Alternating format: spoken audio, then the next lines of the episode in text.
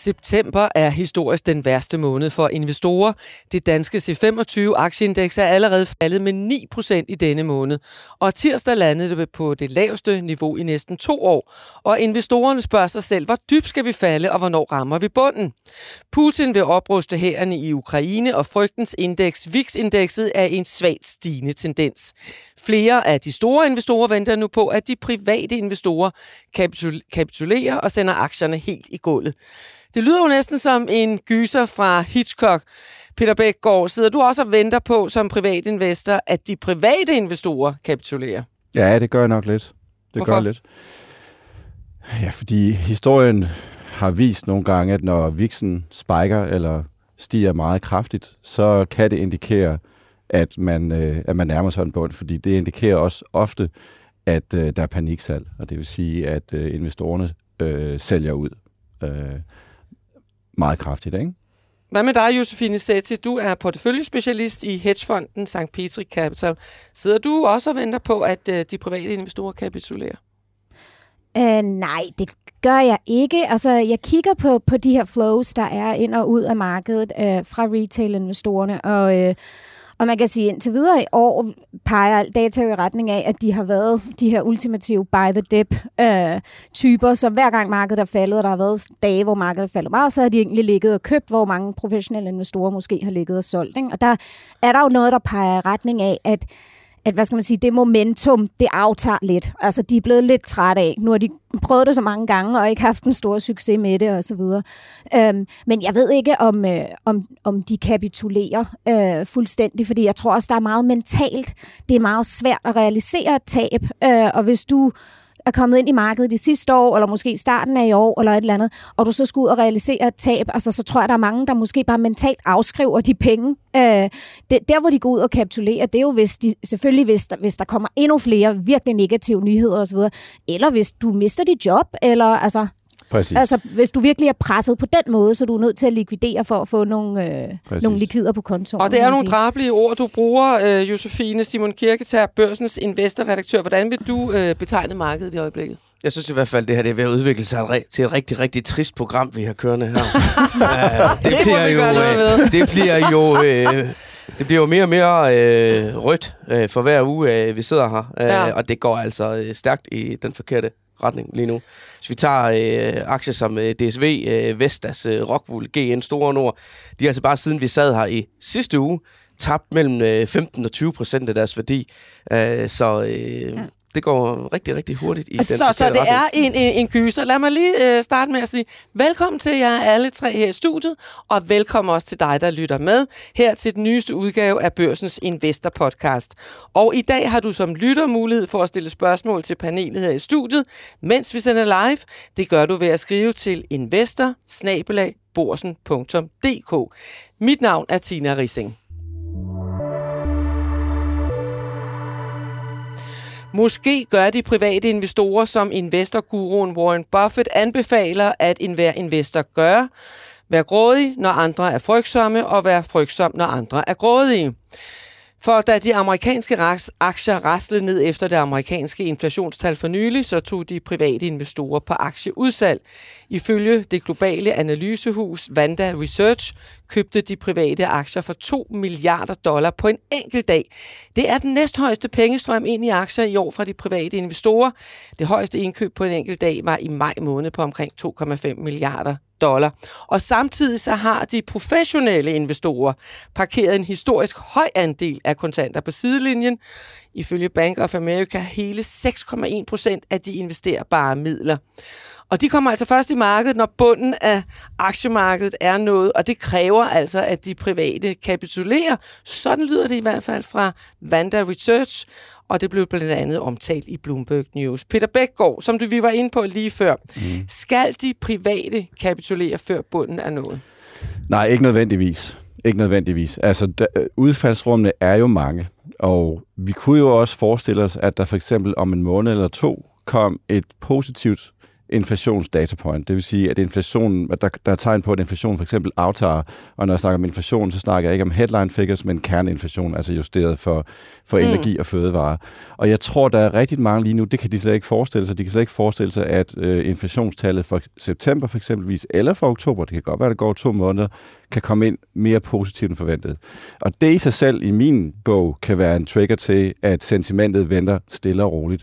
Så vi behøver ikke nødvendigvis at se den der kapitulering, men vi snakkede om det her, før programmet startede, at hidtil øh, og empirisk øh, set, så er der en evidens for, at når man ser, øh, man ser bunden, når, når de private kapitulerer. Men du siger alligevel, at du sidder og venter på, at, øh, at på bunden, og at de private øh, sælger ud. Ja, det gør jeg. Altså, hvor, hvor, langt, hvor lang tid venter du, hvis, som, som Simon sagde lige før, vi har jo set de her store dyk den seneste uge. Ja. Altså, hvor meget, øh, hvad venter du på?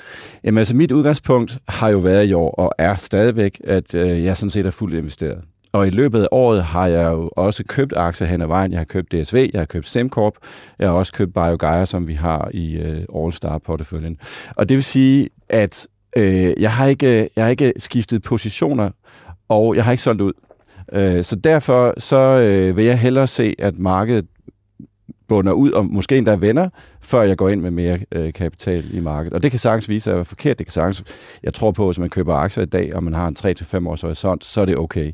Men om vi skal 10 eller 20 procent mere ned her, herfra, det ved jeg ikke. Men er det de private, der skal altså kapitulere og, og, øh, og sælge ud, før at, at vi når bunden? Ja, igen, altså hvis vi nu får et positivt datapunkt på inflationen, specielt i USA, øh, så kan det være, at det ikke er nødvendigt. Men det er noget, jeg holder øje med. Det, der er lidt specielt lige nu, det er jo, at øh, det er jo ikke fordi, det er nogle voldsomme kursfald, vi sådan ser på daglig basis. Det føles bare lidt ligesom, om vi ja. er inde i sådan et, øh, et, et glidende krak, kan man jo nærmest øh, trække det op øh, til. Fordi det ligger og falder sådan 1-2 procent, øh, bliver man fattigere øh, dag for dag i øjeblikket. Øh, og det er jo, øh, så der er jo ikke den der, der er jo ikke den der vilde panik i markedet. Det er ligesom bare sådan en det resignation. bare. Ja. ja. Og det er faldet, øh, altså i dag er syvende dag øh, i træk, at det danske aktiemarked falder. Men, men uh, Josefine Setti, uh, hvad kan udløse en, uh, en kapitulation fra, fra de private, hvis nu siger, at Vanda Research har ret i, at det er det, vi skal sidde og vente på? Jamen, altså, jeg, jeg, jeg kigger ikke så meget på det der med de private kapitulerer. Altså, jeg vil faktisk mere sige, at, at jeg kigger måske mere på de professionelle, altså faktisk øh, kapitulerer. Og, og jeg synes, at man kan slet ikke snakke om det, at vi er der endnu, men der har helt klart været en forværing i sentiment. Altså kapitulation er, vi talte også lidt om det inden kaldet her, eller hvor du nævnte det. Jeg kan huske under finanskrisen, altså folk var så disgusted med, med aktier. Altså, mm. at det var nærmest et fyre, og, sådan, og der er vi jo ikke endnu. Men jeg vil sige, at sentiment er klart på hver over de sidste måneder, fordi hvis man bare kigger på jeres avis, øhm, og de ligesom mennesker, der har været på forsiden det mest af første halvår, har det jo meget været det her med, at man skal have is i maven, og jeg er langsigtet, man skal være langsigtet, og man skal, du ved, også lige sørge for at supplere lidt op i porteføljen, når, når tingene er faldet meget, og, og så videre.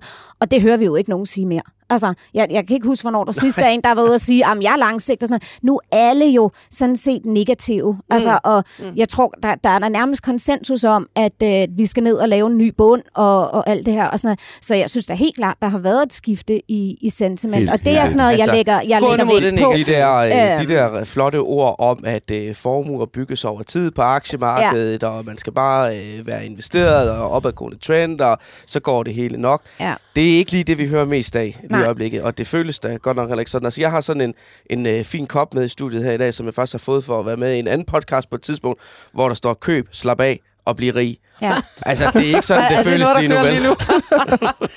I aften så kommer den amerikanske centralbank Fed jo med en rentemelding, og øh, jeg læste lige, at der er 80 procent i markedet, som regner med en stigning på 75 øh, basispoint.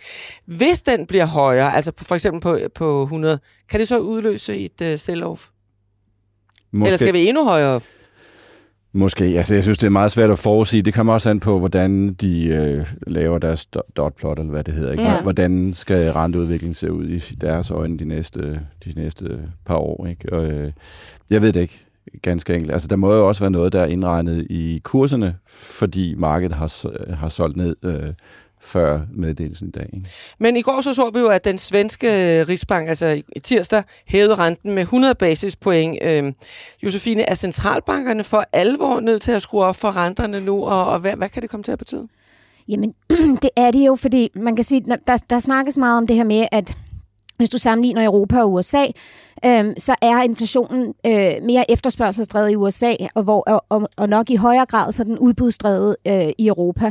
Øhm, så de er simpelthen nødt til at få afkølet økonomierne, og især i USA, fordi det som er, vi er jo inde i sådan en periode nu, hvor, ba, altså, hvor good news er bad news, så det vil sige, når der kommer gode nøgletal fra USA, så bliver folk bange, fordi så tænker de, åh oh, nej, du ved, så skal vi have en strammere pengepolitik øh, hurtigere og længere osv., Øhm, og, øhm, og man kan sige, så, så de er nødt til at hæve renterne, der er ingen tvivl om det. Men, men det, det, det allervigtigste, det er at få styr på de der øh, energipriser. Altså, øh, fordi i virkeligheden kunne du hæve renten med 500 basispunkter i morgen, ja. og det vil ikke ændre, altså jo, du, det er jo, du vil jo køre økonomien fuldstændig i sænk, og på den måde kan du få inflationen øh, ned. Øh, men, men det er jo en alt for stor omkostning øh, i forhold til, hvis man kunne prøve at, øh, at få styr på de her energipriser. Ja, ja, og øhm. uanset hvor højt man skulle have renten op, det, det, det, det betyder jo ikke noget for energiprisen, vel? Nej, det, det, jo, altså man kan sige, det gør det jo, fordi at så, vil, øh, økonomi, altså, så vil du få total øh, ja. nedsmeltning i, i økonomien, ja, og så, så vil der blive... Ja, så forsvinder det fuldstændig. Så det er mere sådan, det, det er en høj omkostning at betale, altså øh, for at få, få den ned, og, og ikke nødvendigvis den helt rigtige, ikke? Um, her til morgen onsdag, så er den russiske præsident Putin ude med en melding om, at han vil opruste hæren i Ukraine og indkalde yderligere 300.000 fra reserven. Peter Bækgaard, hvad kan det komme til at betyde? Det er et meget godt spørgsmål. Altså, jeg må sige, at jeg bruger ikke så meget på at analysere, hvad effekten af, af, af, af Putins øh, tale er, fordi altså, det kan være røgslør. Jeg har, jeg har simpelthen ingen idé om det, så, så jeg prøver lidt på at ignorere det, og så bare... Øh, og, og så bare fokusere på, på de aktier, jeg ejer. Ikke? Og, og så kigger jeg selvfølgelig også, som vi snakker om på markedet, men lige præcis øh, den der del af det, er jeg ikke fokuseret den, øh, Og hvad med dig, Josefine? Hvor, øh, jamen, altså, vi, vi hvad kigger, tror, hvilken effekt tror du, det har? Jamen, vi kigger meget, altså, meget på det. Jeg vil sige, det er altid lidt farligt, fordi... Øh, Altså, nu er det helt friske nyheder fra i morges her, så man skal også lige have tid til at, at, at tænke mere over det, og, og, og altså, især lige øh, se de kommende uger an, øh, hvordan det kommer til at forløbe det her øh, med den her øh, delvise mobilisering og sådan noget.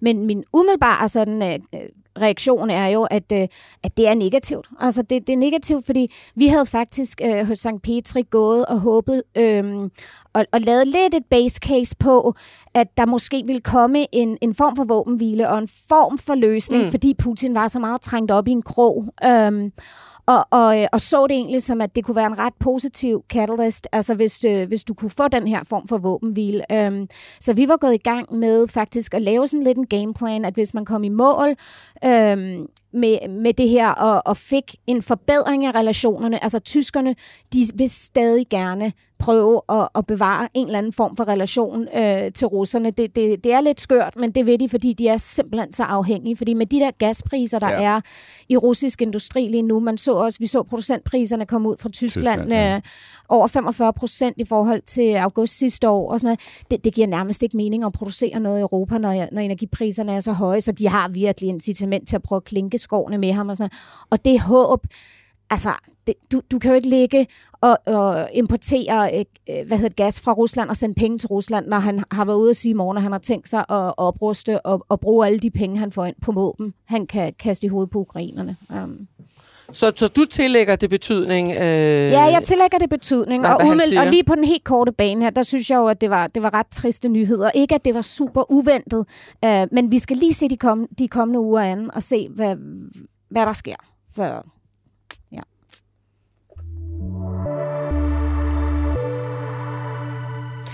Vi har fået et spørgsmål fra en lytter og en trofast læser. Tak for det. Vi modtager meget gerne flere spørgsmål. Det gør vi på investor og du kan bare sende det afsted nu. Det er Svend, som gerne vil spørge dig, Peter Bækgaard. Hvordan tilpasser du din risiko generelt og i perioder som disse? Og han tilføjer, varierer du på din beholdning af aktier og kontanter?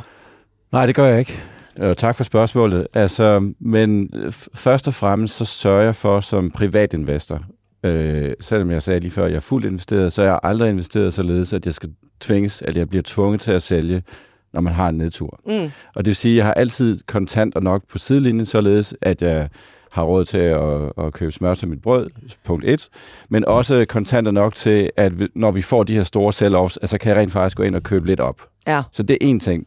Den næste ting er, at jeg er sådan lidt øh, indrettet sådan, at jeg agerer ikke som en professionel investor, således at jeg har ikke et krav om, at øh, en aktie i min portefølje må maks veje 10%. Og det betyder, at jeg nogle gange, og det havde jeg sidste år, der havde jeg to aktier, der fyldte 50% i porteføljen. Og det var MIPS og Novo Nordisk. Og det er klart, når man har det... Og MIPS det er dem, der øh, laver et sikkerhedsindlæg til, ja, hjelm. Ikke? Når man har det, så udsætter man sig selv for en stor risiko som privatinvestor. Og det har vi set i år, fordi MIPS er kollapset faktisk. Den er faldet 70% plus, og Novo Nordisk har også holdt sig nogenlunde op. Ikke? Og det betyder så i forhold til risiko, at jeg får et meget stort hit i min private portefølje. Jeg havde sådan en meget stor gevinst sidste år. Og nu øh, kan du sige, at risikoen er tilpasset, fordi MIPS fylder meget mindre. Til gengæld så fylder Novo Nordisk voldsomt meget. ja, fordi, så skal den ikke også bare for, Fordi så... den ikke er faldet næsten i år. ja. Og mange af de andre aktier, jeg ejer, er jo så også faldet en 15-20 procent. Øh, det er ikke nødvendigvis en strategi, jeg vil anbefale alle. altså, fordi det giver mening, at man kigger på vægtningen af sine aktier i sin portefølje. Så hvis man har en aktie, der fylder rigtig meget, som jeg havde for eksempel med MIP sidste år, så kan det godt give mening, at man trimmer den tilbage og tager noget profit. Jeg siger ikke, at man skal sælge hele sin position. Noget, du har kommet ud af, af MIPS, inden den kollapsede? Nej, nej, overhovedet ikke. Så du fik et kæmpe tab på den? Ja, altså jeg har kæmpe tab urealiseret på den i år. Jeg havde ja. en kæmpe, kæmpe gevinst på den øh, sidste år. Ikke? Altså det er en aktie, jeg købte... Øh, som på et tidspunkt var 12-dobblet. Mm. Og nu er den cirka 3,5 dobblet, ikke? Så, så det er virkelig en kæmpe forskel. Nej, jeg nåede ikke ud af den. Men, men jeg vil så også sige til mig selv, sidder jeg ærmer over det? Nej, ja. fordi jeg overvejer det aldrig, fordi at, at jeg synes, at investeringscasen er i sig selv intakt. Men det er også klart nok, at på et tidspunkt sidste år handlede MIPS på 120 gange indtjening. Og når renterne stiger og sådan noget, så bliver vækstaktien meget hårdt ramt. Ikke? Og, øh, ja, sådan er det. Jeg kunne ikke forudse, jeg foreså faktisk ikke, jeg kunne godt forudse, at vi skulle have inflation, men at for eksempel Fed Funds rate måske skal i 4,5 eller 5 procent næste år, det havde jeg ikke. Men, nu, men det, er jo den, det er jo den svære balance, det ja. her, fordi man siger jo spredning af redning på aktiemarkedet, ja. men den måde, man virkelig også kan lave de store gevinster, det er jo, når man har noget, der løber stærkt og som bliver ved med at løbe, og man så holder fast i det. Ja. Øh, altså det er, jo virkelig, det er jo virkelig den måde, at, at de store aktieformuer er blevet bygget på over tid. Det ved du også med Novo Nordisk, som du har øh, ejet siden ja, øh, 90'erne. Ikke? Øh, så, så det er jo også bare super svært at give slip, øh, finde det rette tidspunkt. Øh, men, men, men, men, Simon, men, sådan en aktie som Bavarian i øjeblikket, den løber jo stærkt. Ja, den, den, den, den løber nu stærkt både op og ned, ja, øh, vil jeg ja, sige. Altså, præcis, den var ja. i 400 og så ned i 200 øh, næsten. Er, er, er det, er det altså, sådan en aktie, der er interessant? Øh, jeg synes det ikke, og det får lige at svare lidt mere på Svends spørgsmål. Jeg, jeg sikrer mig også min portefølje, at jeg ejer selskaber, som selv er herre over deres egen fremtid. Det vil sige, at jeg ejer selskaber, som har stærke balance sheets, og det vil sige, at de typisk har net cash. Altså, de, er en, de har ikke gæld. For eksempel øh, BioGaia, som vi jo også har i porteføljen, sidder på 1,5 milliarder svenske i kontanter. Det er ikke nødvendigvis godt, men det betyder også, at de går ikke konkurs, øh, selv hvis det bliver et meget hårdt miljø derude. Bavarian Nordic er jo rent faktisk tabsgivende. Mm. Altså, de tjener ikke mm. penge. Det kan være, at de kommer til at tjene penge i år, men de taber mm. rent faktisk penge. Ikke? Ja. Så, så, og jeg har ikke nogen evne til at forudsige, hvor deres indtjening kommer til at ramme de næste fem år. Så derfor synes jeg, at det er jo spændende, hvad der foregår med, med abekopper og vacciner selvfølgelig, og, og, og det, at det er dejligt for dem, at de har den vaccine og kan sælge den, men aktien for mig er uinteressant. Ja, det er virkelig, altså hold op, man bliver virkelig kastet rundt i den aktie. Jeg kender, jeg kender en investor, der har den i sin portefølje, og jeg har hørt ham flere gange sige, at når den passerer øh, 300 eller 350, så sælger jeg så bliver han fanget af hver gang, og mere vil have mere, og så ja. banker den øh, ned under hans target igen, øh, og så sidder han fanget der. Altså, øh, det, er sket, det er sket så mange gange i den nu, det der, at, øh, at det, er virkelig, det er virkelig blevet en, øh, en jojo-aktie, ja. som er ekstremt drevet af, af kortsigtede forhåbninger. Men må jeg bare lige for at være helt sikker, Peter, altså du har jo nogle af, af de store danske aktier i ja. din portefølje. Yes. Du har Novo Nordisk, du har Novozymes øh, og DSV blandt andet. Ja. Øh, nogle af dem, som du har fastholdt, også mens at kurserne er drønet nedad. Ja. Så lige, lige nu så sidder du jo egentlig rent øh, fysisk på hænderne og prøver at holde fingrene fra knapperne. Øh, og ja, ja. håber på måske, at øh, de private investorer sælger det ud, sådan så at du kan købe op, når bunden er noget. Er det, er det rigtigt forstået? Rigtigt forstået. Og det skal jeg så også sige, at jeg købte DSV i år, efter den var faldet øh, 40 procent eller sådan noget fra toppen. Ikke? Og SimCorp købte jeg efter den nærmest var halveret, tæt på halveret. Okay. Så jeg har altså brugt en lille smule ammunition i år, ikke? men okay. altså for ja. tidligt også. Så skal vi høre dig, Josefine Sati. Du er jo øh, porteføljespecialist øh, hos hedgefonden St. Peter Capital. Vi ser kurserne øh, drøne nedad i øjeblikket. Er det så nu, du går ud og shorter, eller hvad, hvad gør I? Ja, nej, men jeg, jeg vil lige sige først, at jeg synes faktisk, at noget, som også er øh, en, en god indikator frem for det der med at kigge meget på, om de private har kapituleret osv., det er faktisk, at de der darling-aktier, som I nævner, altså i det danske marked, at de også begynder at falde, fordi at, at, at det, det er dem, der typisk kommer til sidst uh, også. Altså, du, du starter med at få, er det alt mest spekulative, det dyreste osv. Det er det, der starter mm. uh, nedturen. Det startede jo egentlig allerede sidste sommer. Um, og så er det, du til sidst, når du ligesom har fået solgt alt det der lidt giftige stads uh, ned, um, så er det, du begynder, hvis pessimismen så stadig er der, hvilket den jo så tydeligvis er, uh, så er du faktisk begynder at gå efter de gode selskaber, mm. uh, som DSV, mm. og altså dem, jeg kalder darlings, dem, som alle elsker og, og, og, og tror på du ved, øh, har en fantastisk fremtid og sådan noget. Så det synes jeg er, er, øh, fakt, at det er lidt positivt, at vi er nået dertil nu, sådan, så det ikke kun er det mest spekulative, der ligger og, og drøner nedad.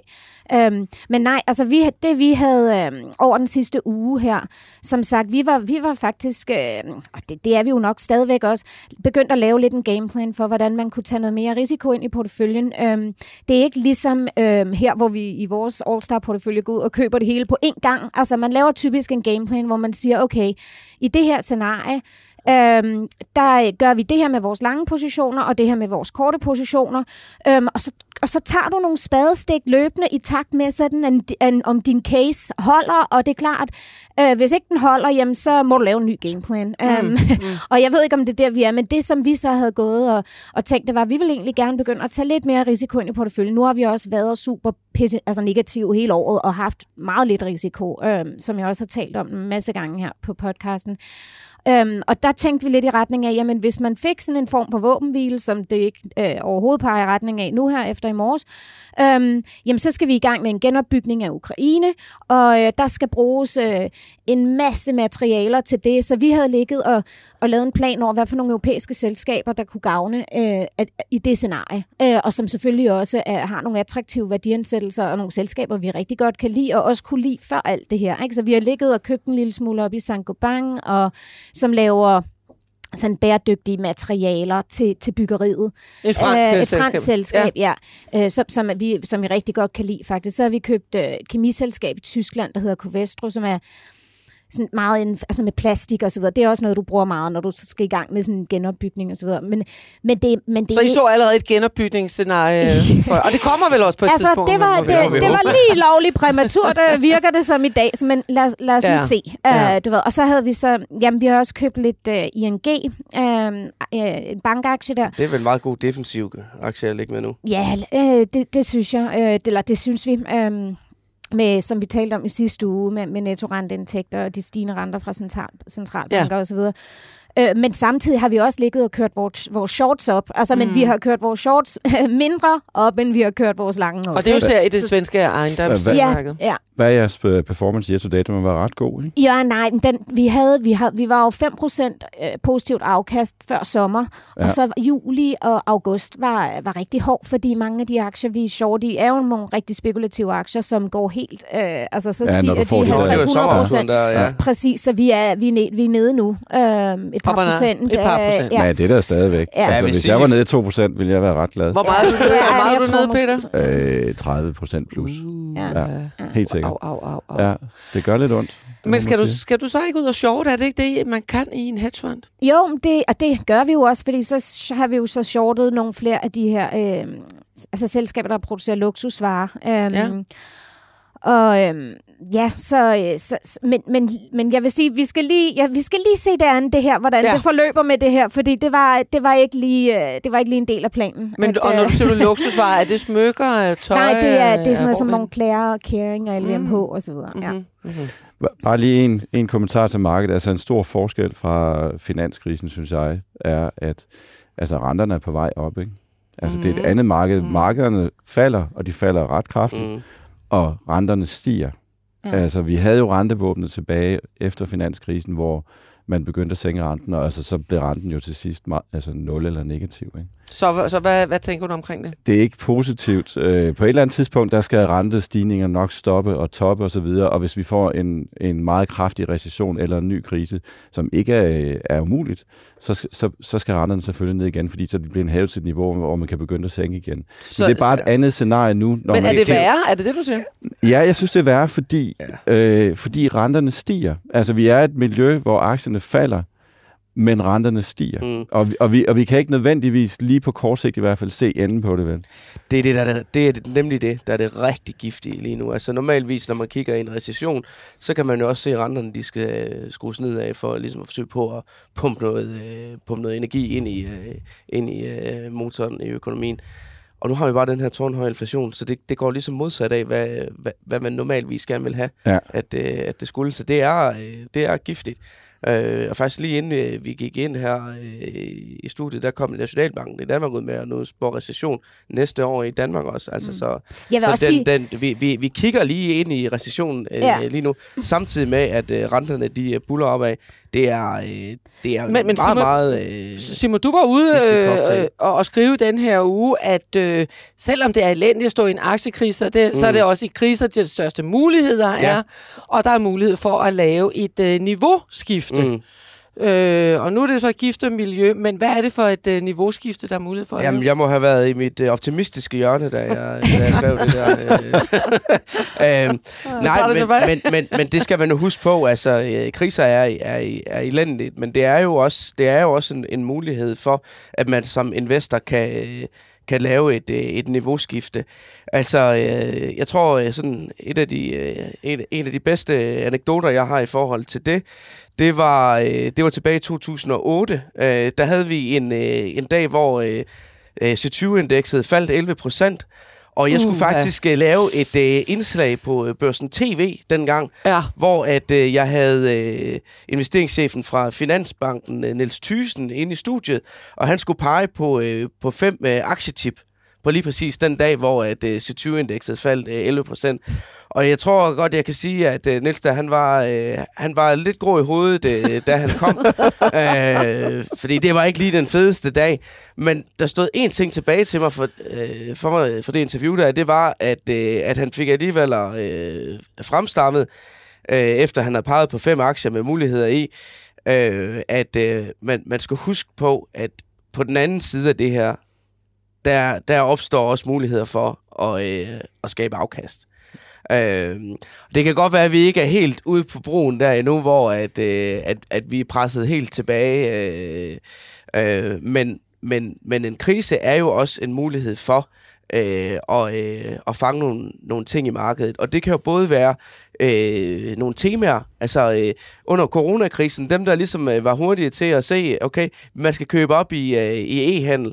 Øh, det var jo en fantastisk mulighed for at komme med på en optur der eller at øh, har man penge på sidelinjen, så er det jo måske også nu, at man skal sige, øh, at, at man skal begynde at kigge på, hvornår skal man køre op. Jeg siger overhovedet ikke bunden af noget mm, nu. Slet, nej, slet ikke. Nej. Slet, slet ikke. Men den kommer der jo nok på et tidspunkt. Det håber vi da. Ja, det... Og noget af det, som mange investorer kigger på i øjeblikket, er det, der hedder frygtens indeks, VIX-indekset, som du sagde lige, Simon. Øh, hvor langt er vi måske ude på brug? Det ved vi ikke endnu. Lad os lige forklare, hvad indekset her er for en størrelse. Øh, det korrekte navn er Chicago Board Options Exchange Volatility Index, og det er baseret på optioner i det brede amerikanske aktieindeks S&P 500 og indekset viser markedets forventninger til volatiliteten i de kommende 30 dage. Lige nu under der er stadigvæk lidt fred og ro, dog er der altså en svagt stigende tendens. Må vi sige, i øjeblikket ligger indekset på et niveau, der hedder omkring 26. Til sammenligning så lå tallet i marts 2020 helt oppe på 82, altså i corona perioden. Og hvis man kigger på indekset i de seneste 10 år til coronakrisen, så lå det årlige gennemsnitsniveau på lige under 17. Det seneste år er gennemsnittet steget til knap 24, og i denne uge er tallet helt oppe på 27 faktisk. Øhm, øh, Simon Kirketær, hvordan læser du det her indeks øh, lige nu? Jamen, øh, jeg læser det som om, at øh, der er ikke den her vilde panik i markedet, som vi ellers tit skal se før, end at øh, der kommer en, øh, en vending. Øh, man, plejer jo at sige, at, øh, at aktiemarkedet er umuligt at forudsige på kort sigt, men faktisk VIX-indekset er en af de få ting, hvor at, øh, at vi alligevel har en mulighed for at kigge lidt, øh, lidt fremad, fordi vi har faktisk noget historisk data på VIX, der viser, øh, at, øh, at, at når det spiker, at så er det ofte et rigtig, rigtig godt tidspunkt at gå ind i markedet på. Så altså når panikken er størst, så kan det være en, øh, en købsmulighed. Øhm, vi kiggede på det for et par år siden, øh, hvor øh, Henrik Henriksen, øh, der på det tidspunkt var chefstrateg i Velliv, han, øh, han hjalp os med at lave nogle data på det. Det var faktisk under coronakrisen. Øh, og hvor han, øh, han ligesom sagde, øh, da det spikede der, nu kan være muligheden for at gå ind. Mm. Øh, og han havde ligesom kigget på, at, øh, at, at indekset var 10 gange siden 1990 kravlet over øh, 35. Øh, 9 ud af de 10 gange, der, øh, der stod man øh, 6 måneder efter med et, øh, et, et, et, øh, et øh, aktieafkast på i gennemsnit øh, 11 procent. Den eneste gang, man ikke har kunnet bruge den regel, det var så øh, under finanskrisen. Og øh, jeg kan faktisk huske, øh, Peter, vi to vi havde også en, en uh, snak der i, uh, i foråret 2020, hvor at, uh, at du sagde, lige der omkring, hvor markedet bundet, at du på baggrund af at have kigget på VIX, mente, at uh, nu kunne det være nu, man skulle træde på speederen. Okay. Så, uh, så, godt, uh, så godt gået, Peter. Det er der, du skal sige ja, præcis. Det var uh, præcis. præcis den strategi, Peter, hvor jeg meget kigger du på VIX-indekset nu så? Kigger på det af og til, men, jeg, men som sagt, så jeg bruger det ikke rigtigt som, øh, altså jeg bruger det, jeg kunne godt bruge det som indikator. Hvis, hvis jeg ser en eller anden dag, at viksen sparker meget, meget kraftigt, ikke, så kunne det godt være en, en, et tegn på, at vi er bund. i bunden. Men det er ikke sådan, jeg sidder og kigger på viksen hver eneste dag, måske en gang om ugen eller en, en gang om måneden. Ikke? Og så noterer jeg mig, hvis det er sådan, vi har det der paniksalg. Ikke? Øh, og det, det er jo rigtigt nok, der er vi slet ikke, der er vi slet ikke nået til endnu, og det kan også godt være, at vi ikke når til det. Hvad med dig, Josefine? Sidder du og kigger på VIX-indekset? Jamen, jeg kigger også løbende på det. Øh, det er ikke som sådan altså en del af, af, altså, den overordnede beslutning, men der er mange af de her Øhm, jeg tror, det som du talte om før, øh, Simon, det, det kan du også gøre på Consumer Confidence mm. i USA, øh, hvor du også kan se, hver eneste gang, at Consumer Confidence er kommet ned på et rigtig lavt niveau, jamen, så kan du sætte en cirkel om det, og så kan du sige, hvordan har aktier så klaret sig øh, 12 måneder efterfølgende. Ja. Og der ser du også helt klart, at når Consumer Sentiment også ligesom, eller Confidence, øh, som jo også er helt i bunden øh, i, i dag og nu her, øh, der, øh, der får du rigtig gode afkast. Problemet er jo det der med, altså, øh, hvornår har det spiket? Altså, mm. det er let nok at sige bagefter, nå, det var der, det spikede, det var der, man skulle have købt, men, øh, men det kan også være, at man tror, det har spiket, når den er i 32, og så går den faktisk yderligere i, i 40, ikke? Så det, det, det er enormt svært, når, når altså, det, det er lettere at kigge i bagspejlet og, og, og bruge de der øh, slags indikatorer, eller hvad man skal sige, ikke?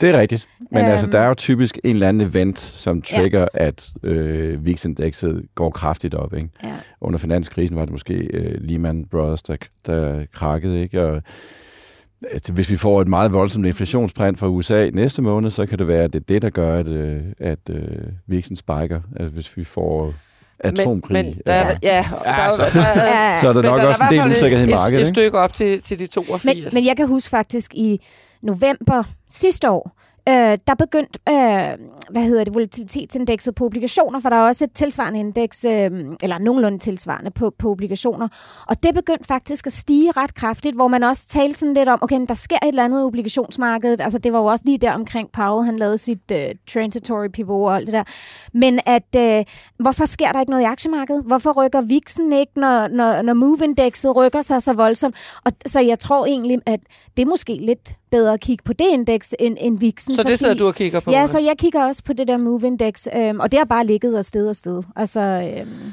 Så svagt stigende tendenser over det hele. Øh, lad os øh, se, hvordan det går med vores portefølje. Og her er der måske lidt nedadgående tendens. Øh, Ja, det kan vi vist roligt sige. vores All-Star aktieteam, hvor vi har to af jer her i studiet, har jo købt 12 aktier for 600.000 kroner, stillet til rådighed af Saxo, Saxo Bank. Simon, vi skal høre, hvordan ser det ud med vores portefølje. Ja, øh, vi kan nok næsten gætte det. Det ser rigtig, rigtig, rigtig skidt ud i den uge her. Vi har tabt 36.000, øh, siden vi øh, sad her sidst.